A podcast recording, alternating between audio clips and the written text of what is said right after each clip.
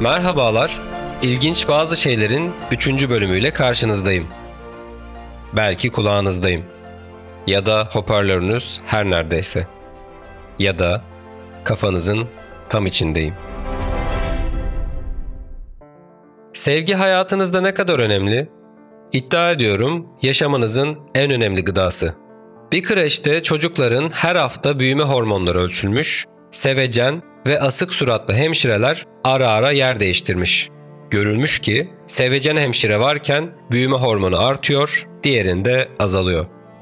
Kısa boylu insanların bir kısmı küçükken sevgi görmemiş olanlar. Zengin ve meşhur bir ailenin bir çocuğu ölmüş ve anne depresyona girmiş.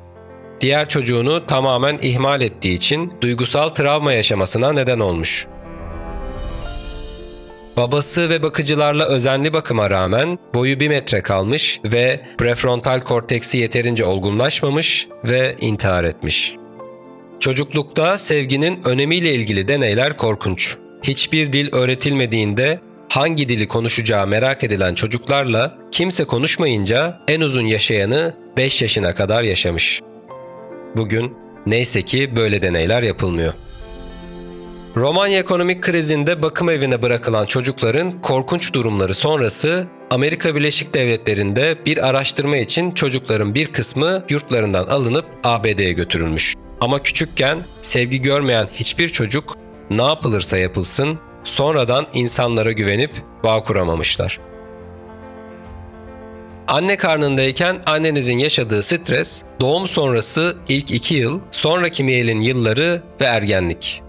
Kim olduğunuzu o kadar hassas etkiliyor ki burç, kişilik tipi.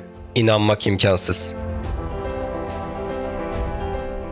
Psikolojinin biyolojiye etkisi kişisel deneyime endeksli ve çok net. Bu arada bunlar 25 yaşına kadar geçerli olabilir. Ama bir yerden sonra insanların büyük bir kısmı için başlangıç koşulları geçerli bahane olmaktan çıkıyor. Prefrontal korteks sayesinde tüm hatalı başlangıçları yenebilir bir canlıyız. Şu etrafınıza bir bakın. Hepimiz çoğunlukla istemeden bile ihmal edilmiş, sevgisiz kalmış, konuşulmamış ya da aşırı isteği verilip şımartılarak tecrübesizce acımasız dünyaya bırakılıp gerçeğin yüzüne çarpıldığı yavrularız.